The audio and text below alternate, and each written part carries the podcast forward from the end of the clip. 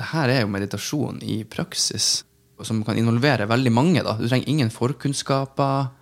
Du trenger ikke å ha noen form for liksom, erfaring med verken dialog eller meditasjon eller noe sånt. Men du er her og nå, da. Flux ønsker å vise veier til en mer bevisst og meningsfull fremtid gjennom bokutgivelser og dialogarbeid. En måte å dykke dypere inn i dialog med oss på, er gjennom vårt program Ideologisk lederskap, som gjennomføres over en periode på mellom seks og åtte måneder. Men hva er egentlig dette programmet? Hva kan det brukes til, og hvem passer det for? Mitt navn er Jeanette Andreas Søderstrøm, og i denne serien vil du høre tidligere deltakere i Dialogisk lederskapsprogram dele fra sine erfaringer. Med utgangspunkt i deres ulike bakgrunn og livssituasjon snakker vi om hvorfor de ville gå programmet, hva som overrasket dem, og hvordan de bruker det de lærte i dag. Hei, Andreas. Joki Arild, velkommen hit til podkasten Innimellom. Takk. Eh, du er eh, trubadur, har jeg blitt bedt om å omtale deg som. Og du er eh, utforsker og Hva var det andre? Research and development. Du er utforsker og utvikler. Yes. Jeg vil si at du egentlig er gründer. Du driver noe som heter Pust i Tromsø. Det starta i Tromsø, og i dag så befinner vi oss i Tromsø, i Bodø, Sortland og Oslo. Såpass, ja. ja. Så det visste ikke jeg. Vi skal komme litt tilbake til pust, vil jeg tro, etter hvert i samtalen. Men nå, siden du er her for å være del i denne serien om dialogisk lederskapsprogram, så går jeg i gang med første spørsmål, som lyder som følger. Hvordan hørte du om dette programmet, og hvorfor meldte du deg på?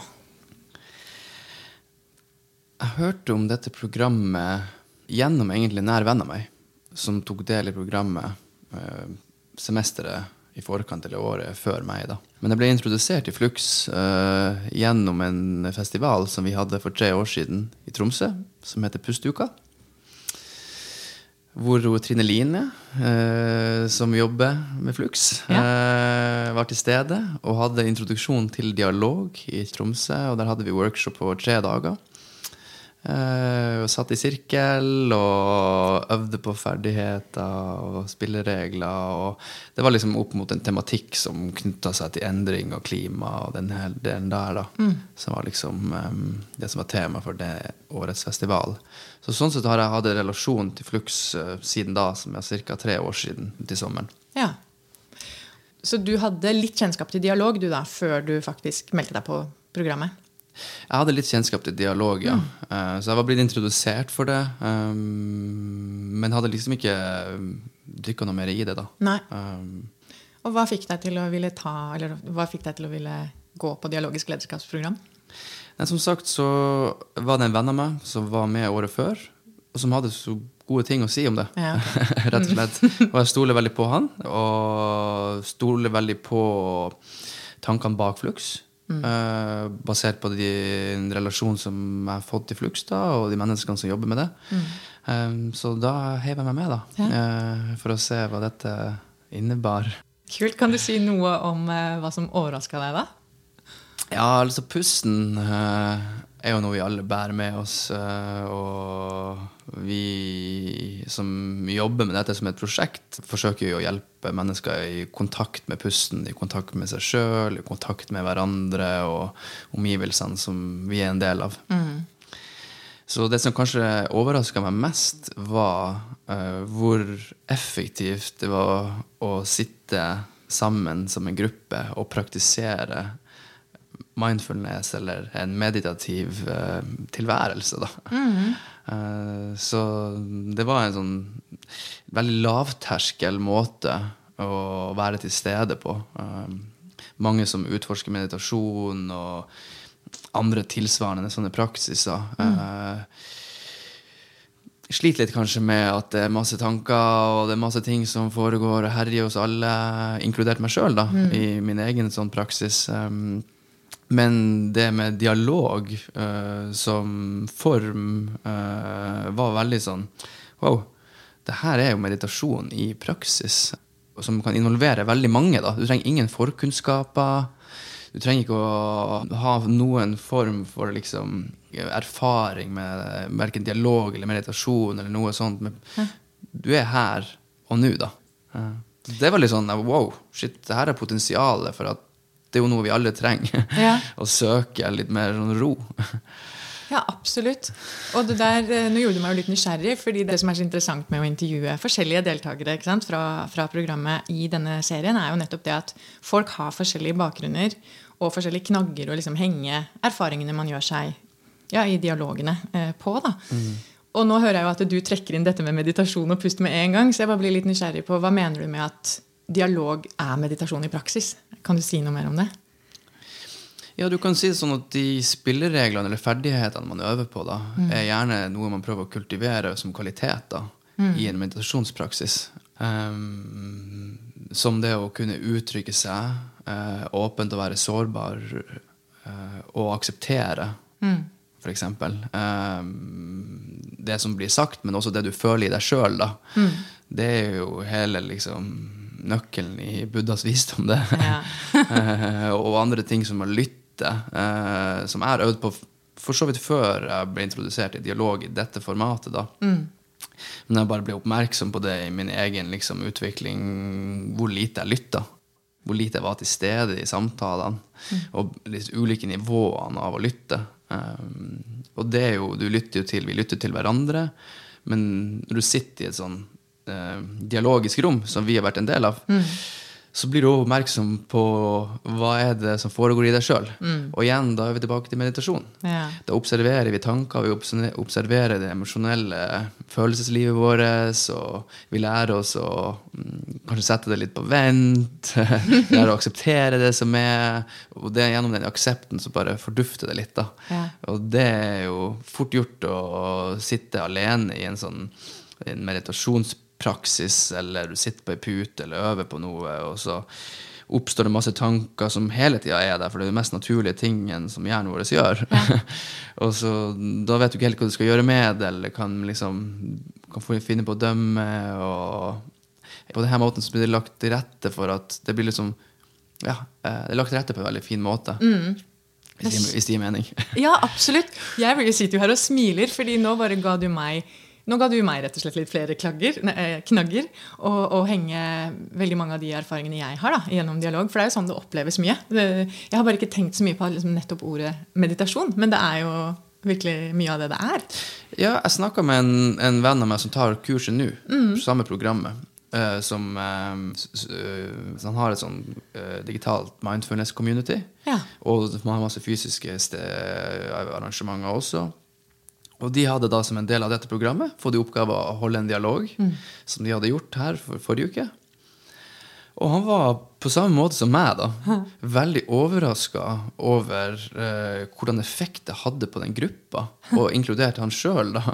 Og i etterkant av programmet, eller dialogen, for å si det sånn, så var det sånn eh, Deltakerne kom med tilbakemeldinger som at Oi, jeg har vært her i to og en halv time, men jeg har ikke tenkt på noe annet enn det å være her. Og det å klare det i en meditasjonspraksis eh, Nå bruker jeg hermetegn. Ja. eh, der du f.eks. skal øve på å meditere. Eh, det er jo på et mesternivå, nesten. Ja. Da, men for meg er iallfall eh, happy hvis jeg har noen øyeblikk av, av ro og stillhet. ja. Så det er jo ganske interessant. Det er det.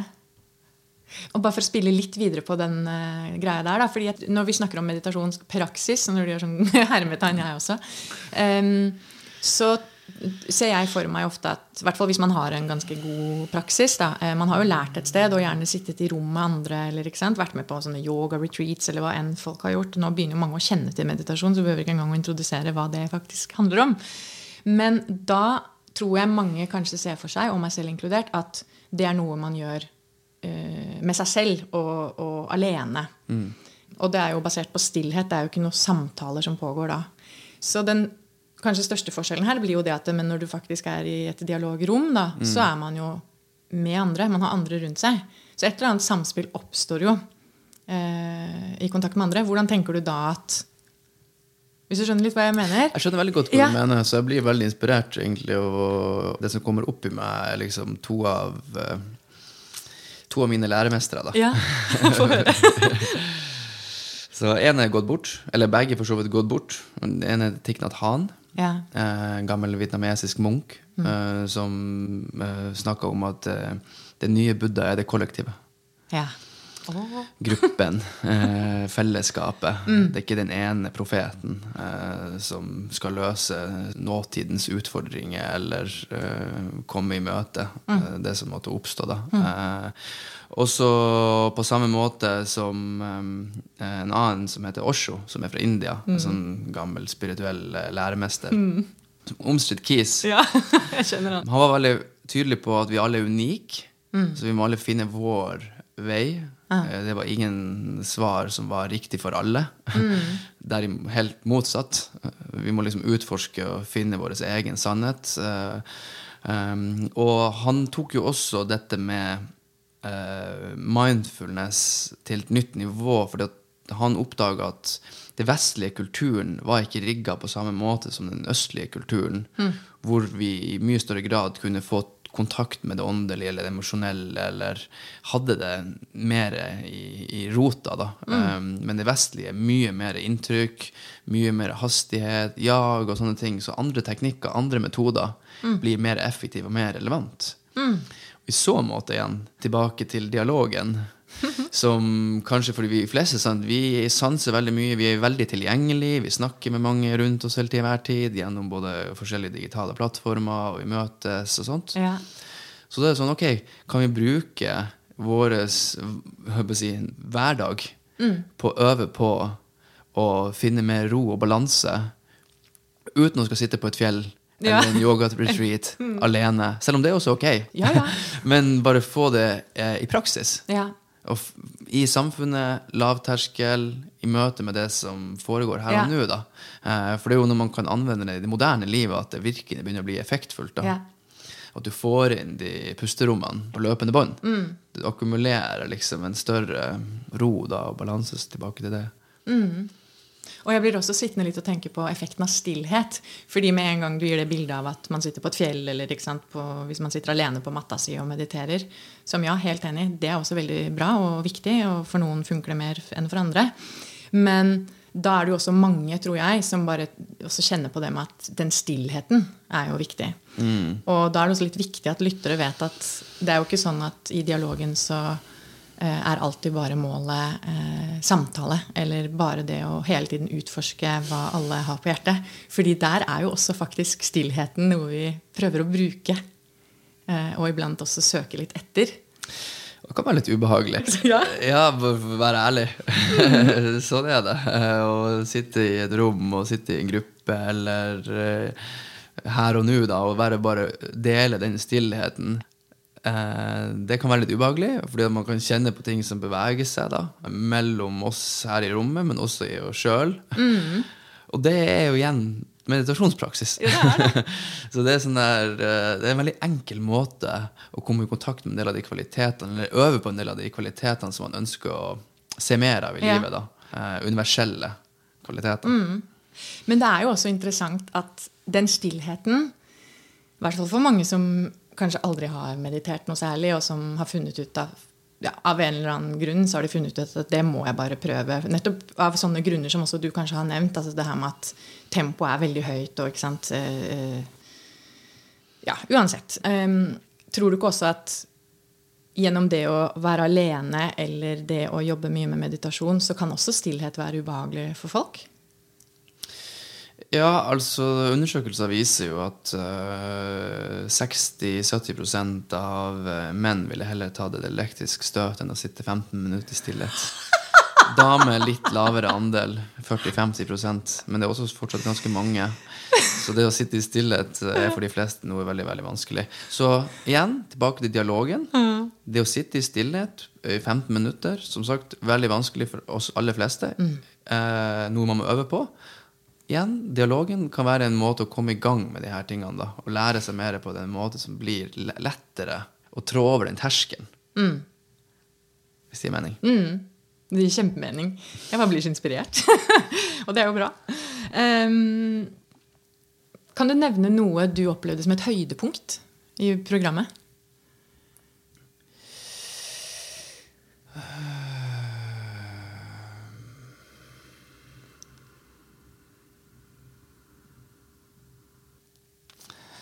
Jeg tror kanskje et personlig høydepunkt for min del var å bli virkelig bevisst på energitypen. Energien jeg bærer. Hvem jeg er. Ja. Å få det dokumentert. ja. Tenker du på gjennom på, påvirkningskraft, modulen? Ja, ja, altså den første delen av programmet var liksom, tror jeg, groundbreaking for min del. da. Gjennom at jeg har nok endra uh, De grepene jeg har gjort i livet mitt de siste årene, har nok endra også energien i meg sjøl. Ja. Mm. Kanskje også endra min påvirkningskraft. Who knows? I don't know. Um, men det å ha en stor gruppe da som på en måte kan Som ser noe i deg som du kanskje ikke helt tror på, eller er bevisst Ja. i det hele og det store, Ja. som fremhever kvaliteter som de legger merke til, og som er sånn unison enighet rundt, gjør jo at det er ting man da kan ta til seg i større grad og bruke til sin styrke, og, og erkjenne og se lyset i seg sjøl. Hvilken, vil du dele hvilken eh, påvirkningskraft du Eller hva, hva er det vi kaller det igjen? At man blir jo typet. typet energitype, eller noen Ja. sånn kategorier, var det vel. Ja. Nå er ikke jeg noe veldig sånn stor fan av kategorier i, Nei, i, i prinsipielt. utgangspunktet. Men eh, så det er jo det, Vi lærte jo at vi alle jo, har jo alt i oss. Ja, vi, ja, vi har alle alt. Ja. Så vi består jo av disse samme mm, elementene. Ja. eh, men så er vi vekta litt ulikt, da. For meg så var jo det som ble vekta høyest, var jo kropp. Mm. Um, så for så vidt det Hva betyr det? sant? Det betyr jo hva er en kropp? Jo, det er jo det vi lever i. Så det er jo litt abstrakt eh, begrep å forholde seg til. Da. Men så var det noen sånne kvaliteter som på en måte mm, var knytta opp mot den energitypen, da. Eh, som jeg kan kjenne meg igjen i, men også ting som sånn svevende og sånn kan jeg jo kjenne meg litt igjen i eh, fra før av. Men det å eh, bli bevisst på de mer sensitive kvalitetene, da eh, Gjennom at jeg kommer egentlig fra et sånt Eller egentlig, ja. Altså, Jobba mye med business. Veldig sånn maskulint, mannsdominert eh, næringsliv-bakgrunn, da. Jeg blir i alle fall, jeg ble det prega av det. Jeg fant meg aldri helt til rette. Eh, men hadde mye av den krafta, da. For det er jo det man øver på. Sånn du kommer deg opp og frem i den bransjen. Eh, og bli prega av det. Uh, og det kan også være vanskelig for folk å være rundt. For det er veldig sånn sterk energi da, Ja. uh, som kan virke litt sånn påtrengende. Ja. Som, så det at jeg har gjort litt av dette, gjort noe, en grep i mitt eget liv og har endra noen ting i meg sjøl, eller har jeg da endra noen ting i meg sjøl som andre da opplever, og som jeg da jeg plutselig begynner, jeg blir oppmerksom på det gjennom det høydepunktet som jeg refererer til. Og så begynner jeg også å se på hva er det jeg egentlig, hvem er det jeg omgir meg med? Hva er det jeg involverer meg i livet, og hvilke energier er det liksom jeg tiltrekker meg, da? Og hva er det jeg resonnerer med? Altså, da blir du mer, mye mer Jeg ble iallfall mye mer oppmerksom på hvem er det jeg er. Etter det å ha gått gjennom den modulen der, den Ja, ja. I aller høyeste grad. Ja. Eh, Så det er noe jeg sånn Det, har sett, det er jo sånn når man blir bevisst, da. Kjenn deg selv. Eh, Det er sånn ele- elementær filosofi. Ja. Så veldig nyttig. Ja, Sånn. veldig. Og for meg også var det et, et av flere høydepunkt. Ehm, det er sånn, et sånn øyeblikk eller en dag jeg bare aldri kommer til å glemme. Det å være, stå i den situasjonen i det hele tatt sammen med kursdeltakerne og eh, gå opp én og én og skulle da bli typet. Eh, og det er ikke så skummelt som det kanskje høres ut som for noen. eh, fordi Jeg vet ikke. Det er et veldig trygt rom. Og så er det jo noe med at det understrekes jo 100 ganger at vi har alle litt av alt. Og det kommer jo også frem det når man holder på med den øvelsen. At man liksom scorer høyere på en del eh, kategorier enn andre. Jeg kan også forstå at du får kropp. Dette med kropp handler jo om um, Fordi alle har en kropp. ikke sant? Alle bruker en kropp. Men det er, noen har av en eller annen grunn en litt mer sånn tydelig fremtoning. Ehm, det kan jo være en sånn annen type tilstedeværelse. Du bare merker deg på et annet vis. Og så kanskje noen kan oppleve det litt mer aggressivt, eller noen kan oppleve det litt mer sånn sensuelt vibbet. Eh, men det er uansett Flørtende. Flørtende, ja. Men det at noen er god på blikkontakt, eller god på å smile, eller kanskje liksom gestikulere mye, det kan også gi assosiasjoner til at dette er, det er kropp. Du, du merker det mennesket her. Mer enn kanskje da i tilfelle til en del andre som har en roligere fremtoning, da. Eller en mer eh, litt mystisk fremtoning kan jo noen ha. ja, kjenner til de. ja. Nei, så det har jo det, blir jo altså det er jo veldig nyttig selvfølgelig for ens egen selvinnsikt, men også i si, relasjon til andre. da. Ja. I relasjon til jobb, i relasjon til gruppe, ting man er, det er involvert i. Mm, man blir mer oppmerksom på hvordan man kan hvordan man bruker Ikke nødvendigvis bevisste grep, for det er jo en naturlig del av det. Men du blir iallfall oppmerksom på disse kvalitetene og hva det betyr for andre. Og som, sånn som jeg forstår, tolka bl.a. dette med kropp, var jo at de type bevegelsene som du var inne på, øh, som jeg har mer eller mindre av, det er med å hjelpe mennesker til å, andre mennesker til å kom, være til stede i kroppen sin. Ja. Og de er til stede i kroppen vår, så er vi til stede her og nå. Vi er landa litt, så vi er mottakelige da, um, for informasjon eller for dialog eller hva det enn som skal, måtte være, skal oppstå. da. Ja. Så det blir veldig sånn nyttig verktøy, for å si det sånn, da, å ta med seg i livet. Og jeg som jobber som leder, um, leder ofte samling av mennesker og sånt. Så liksom klare å samle energien, da. Som jo da Ja, det er ikke sant, kjempenyttig å være bevisst på det der da. Og det er det jo for alle, selvfølgelig. Men eh, ja, da får dere melde dere på programmet og glede dere til påvirkningskraftmodulen. Um, hvordan, eh, hvordan opplevde du det Altså gruppearbeidet eller eh, fellesskapet? Jeg var på dialog i går her i Oslo. Ja. Og der traff jeg en tidligere deltaker, eller som jeg var sammen med da, i gruppe. ja. Og det var noe eget å møte han igjen, da, for å si det sånn. For man har jo delt eh, på en sånn finurlig, mystisk måte noe veldig sånn åpent, sårbart og ja, uten å sette for mye ord på det, da. Så har man skapt et sånt fellesskap. Ja. eh, man føler seg som del av et fellesskap. da. Man knytter relasjon til eh, si, medmennesker på en dypere måte, som er veldig vanskelig eh, å oppnå i dag for øvrig. Gjennom at vi alle har så mye å styre med. så vi har ikke tid til å komme på det nivået. Vi må liksom rydde unna noen lag eh, for å liksom knytte den kontakten. da.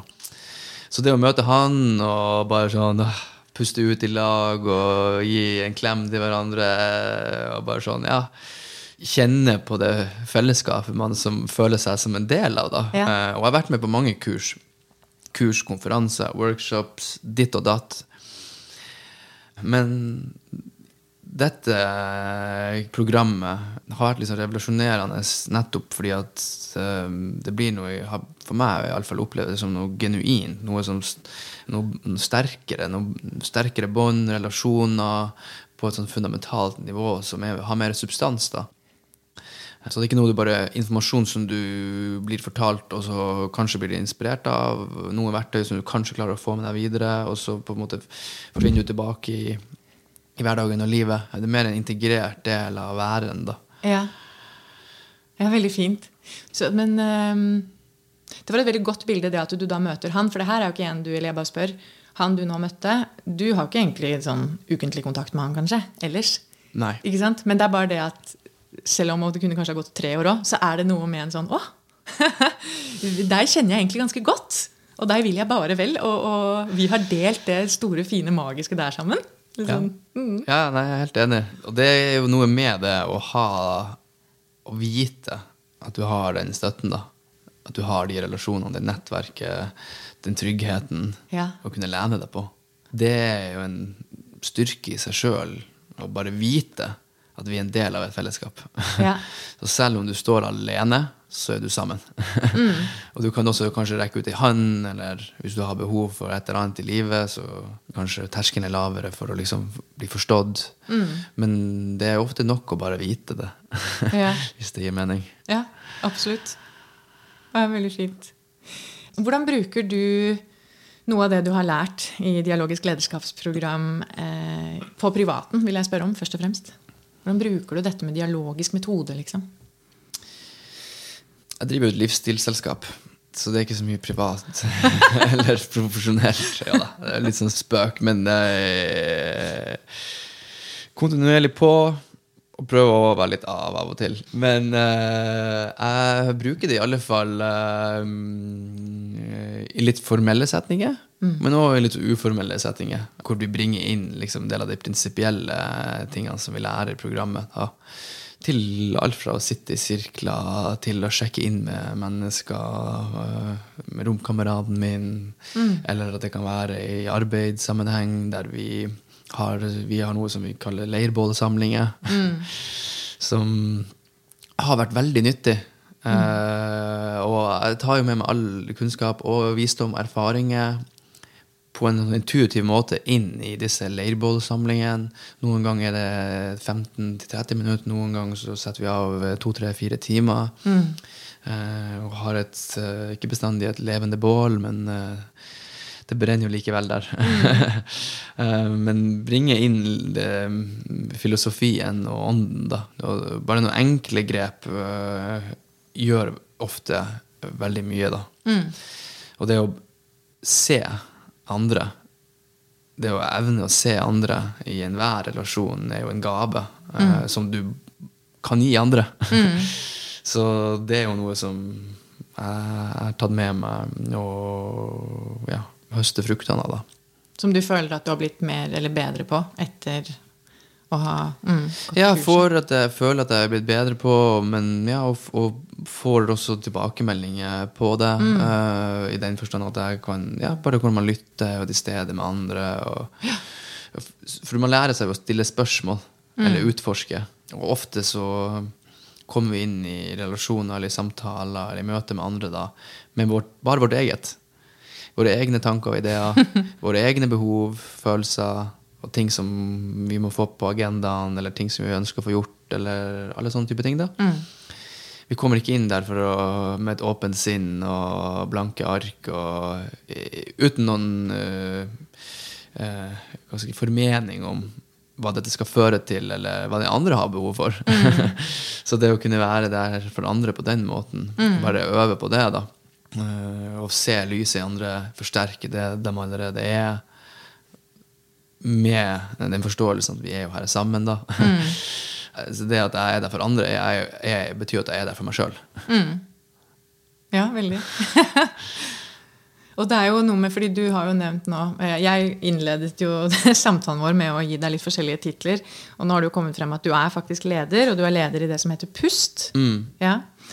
Så hva tenker du sånn avslutningsvis? Hva kan du si Altså, hvis, det, altså Selvfølgelig, alle lyttere eh, er jo interessert i det her, men eh, fordi, så For meg, for eksempel, da, jeg er jo ikke leder i en bedrift eller i, i, på noen måte, egentlig. Jeg er leder i heimen for barna mine. Og der òg hjelper dialog, eller dialogisk metode. Um, det hjelper veldig mye. Ja, det kan jeg tenke meg. Ja, men virkelig. Ja, ja, og, det er jo de næreste relasjonene at det, det er vanskeligst å, Ja. og praktisere. Både dialog og de tingene vi øver på. Vi blir jo lett liksom revet med, da. Ja, ikke sant? Eh, Og vi, ja, så det kan jeg tenke meg. Ja, ja, ja, absolutt. Men eh, tilbake til deg, da, det der med å være leder. Fordi Nå vet jo ikke jeg hva slags lederrolle eller type du var før, eh, men du har jo på en måte avslørt at du har jo lært mye ved å gå programmet. Men hva vil du si til noen som kanskje er ledere, da, og som tenker men hva får jeg ut av det her som jeg kan ta med meg inn i jobben? Du kan si at eh, basert på min erfaring og det jeg leser eh, og lytter eh, av både selskaper og organisasjoner som på en måte lykkes gjennom tidens tann, og særlig de endringene som vi ser nå skyter fart i samfunnet i forhold til hvordan man velger å organisere seg på, da, Mm. så blir det bare mer og mer viktig eh, å kunne legge til rette for at eh, andre f.eks. skal eh, vokse, og blomstre og utvikle seg. Ja. Eh, de strukturene, de hierarkiske strukturene brytes litt mer ned. eh, Det blir mer likestilling, vi blir mer likeverdi. likeverdi. Vi har forskjellige roller og funksjoner, ja, som er viktig.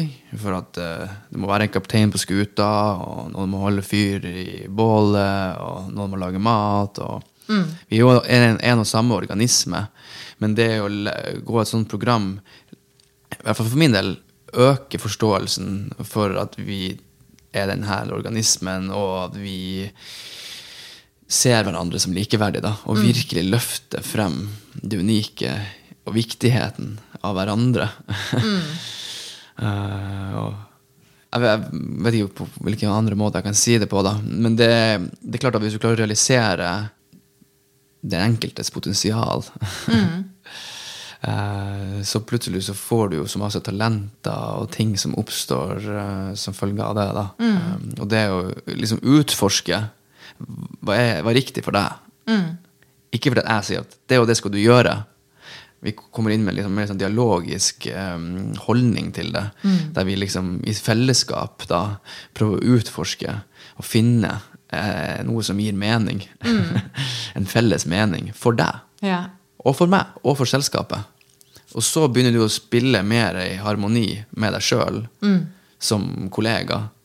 Og som et individ i organisasjonen. Og har jo mye, mye større kapasitet. Får mye mer gjort.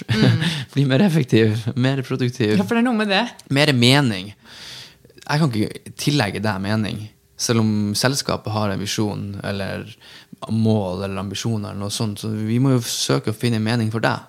Så det å bringe dialogen inn, og prinsippene og kvalitetene man liksom øver på der, da, liksom i fellesskap finne ut av det, eh, og realisere deg som individ, da, det er utrolig nyttig. Uh, og tror jeg bare blir viktigere og viktigere jo mer vi klarer å komme i kontakt med vår egen drivkraft, jo mer i stand blir vi å takle utfordringer og uh, få ting til, da. Og, og, og jo sterkere blir fellesskapet. Ja, for akkurat Det må knyttes liksom til knyttes til dette felles eh, navet. Ja. Fordi da blir også det med å sette seg målsettinger altså Det kan jo være på familienivå, det, for å dra det tilbake til det jeg nevnte. Men det å faktisk eh, i et selskap da, eller en organisasjon eh, være åpen om målsettinger, det tror jeg mange ledere opplever at de selv er. Men så er liksom de målsettingene ofte bare allerede satt Yes. og presentert i et møte. Og så er det jo selvfølgelig, i hvert fall i Norge som er et ganske så demokratisk land, så er det jo også sånn at eh, ansatte eh, de har rom til å få lov til å si at eh, de kanskje ikke ja, eh, følger eh, alltid den visjonen, eller at de kanskje syns det er noen utfordringer på veien, eller at kommunikasjonen ikke har vært god nok og sånn. Men hvis man heller hadde som leder der ute, da Og nå er det mulig jeg er på tynn is, for jeg har aldri vært leder. Men hvis man går inn med en tanke om at eh, vi har noen tanker om målsettinger, eh, men vi ønsker først og fremst å liksom gi alle en stemme og ta et møte på det. Som jeg tror mange unngår nettopp pga. tidsknapphet og ressursbruk. Og? At man tror at det kanskje gjør det mer klundrete. Men som du var inne på i stad, så tror jeg nok egentlig at effekten vil alltid bli mye bedre av at man faktisk bruker litt tid på sånne ting. Og lar ansatte eh, få lov til å ta del i å lage målsettingene. Eller til å ha meninger om hva er det vi holder på med her. Eller utforske det i fellesskap. Utforske det i fellesskap. Eh, så derav så oppstår en målsetning. Ja. Eh, og det her er jo eh, Hvis jeg skal referere til litt sånn hvordan vi, erfaring jeg har da med det, Ja. bringe det inn i praksis eh, Så det går på målsetninger. Det går også på kommunikasjon internt i bedriften og eksternt. For hvis du er utydelig internt, så er det vanskelig å bli tydelig eksternt. Um, er det liksom, uh, liksom rotete rotet hjemme, liksom, så blir det fort rotete rotet inni deg og Ja. generelt, da. Så det er jo en sånn um, dialogens gudfar uh, som heter David Baum, yeah. som snakker om dialog uh, rundt leirbålet, viser til stammekulturer som møttes rundt leirbålet jevnlig. Hvor man bare snakka sammen. Bålet var den samlende krafta, og alle ble hørt og sett. Og som sagt, tilbake til forskjellige roller, også i de kulturene. Noen var høvding, noen var mor. Eh, Men man staka ut kursen i fellesskap. Yeah. Og man eh, rydda opp i det som måtte trenges å ryddes opp i på løpende bånd gjennom disse kontinuerlige samlingene rundt bålet. Da. Så det er ikke noe quick quicks. Eh, og så for vår del da, sant, så har det handla om å få litt kontinuitet i de samlingene det, man kan komme et stykke på veien. Av og til er det nyttig og vi skal diskutere og ta noen beslutning. og sånt. Ja. Men du skal skape en felles retning, tilhørighet, øke forståelse for kommunikasjon, forstå hverandre. Så skal, handler det jo om å bygge trygghet over tid Mm. og ha kontinuitet i det. Og det liksom, tror jeg da, er nøkkelen. da. Mm. Uh, og der har vi begynt å høste fruktene. og det er sånn, oi, Vi er plutselig blitt enige fordi vi har funnet ut av det sammen. Ja, nettopp. Eh, og det forbedrer prosesser, gjør det enklere å kommunisere med hverandre. Det blir tydeligere, Ja. det blir mye tydeligere uh, i hvilken retning vi skal gå. Selv om vi kanskje har, alle har tenkt det samme likevel. Ja. Vi har ikke klart å formulere det. Nei. Fordi at vi møter Fordi at vi, har, vi er så prega av livene våre. Mm.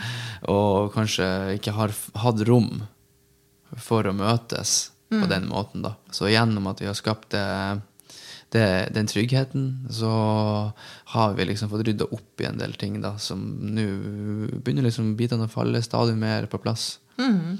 Spennende. Ja, virkelig.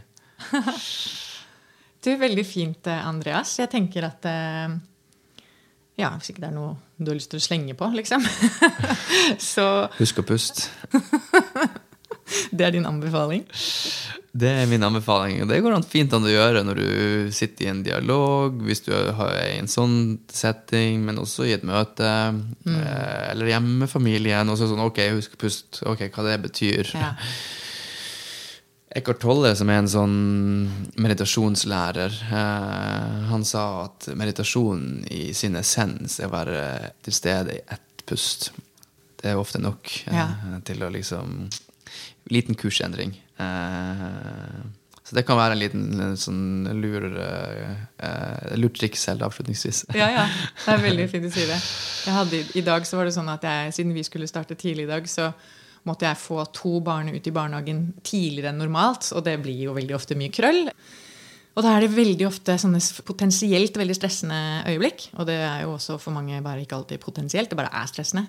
Men der også for meg, så jeg bare vil lene meg på det du sier, så er det den at jeg bare driver og trekker pusten. så den pusten betyr så mye på så mange arenaer, da. Den er veldig lett tilgjengelig. Ja, Gratis, ja. Gratis og med oss hele veien, liksom. Så det kan være nyttig å, å bli litt mer oppmerksom på det. ja. Det som sagt, det trenger, det, trenger, det trenger bare å være et øyeblikk. Det akkumulerer seg, da. ja. Takk som eh, gjorde oss obs på det med pust, og som har delt om din erfaring med dialogisk lederskapsprogram. Det har vært veldig hyggelig å snakke med deg. Jo, takk skal du ha. Namaste. Flux betyr bevegelse, og vi ønsker å bevege tanken og inspirere til nye tenkemåter. Du har nettopp hørt en episode av en liten serie som handler om Flux sitt dialogiske lederskapsprogram i podkasten Innimellom. Vil du vite mer om programmet, modulene det inkluderer og hvordan og når det gjennomføres, finner du informasjon på vår hjemmeside flux.no. Der kan du også lese mer inngående om hva dialog etter Flux-metoden handler om, og hvem dialogisk lederskapsprogram kan passe for.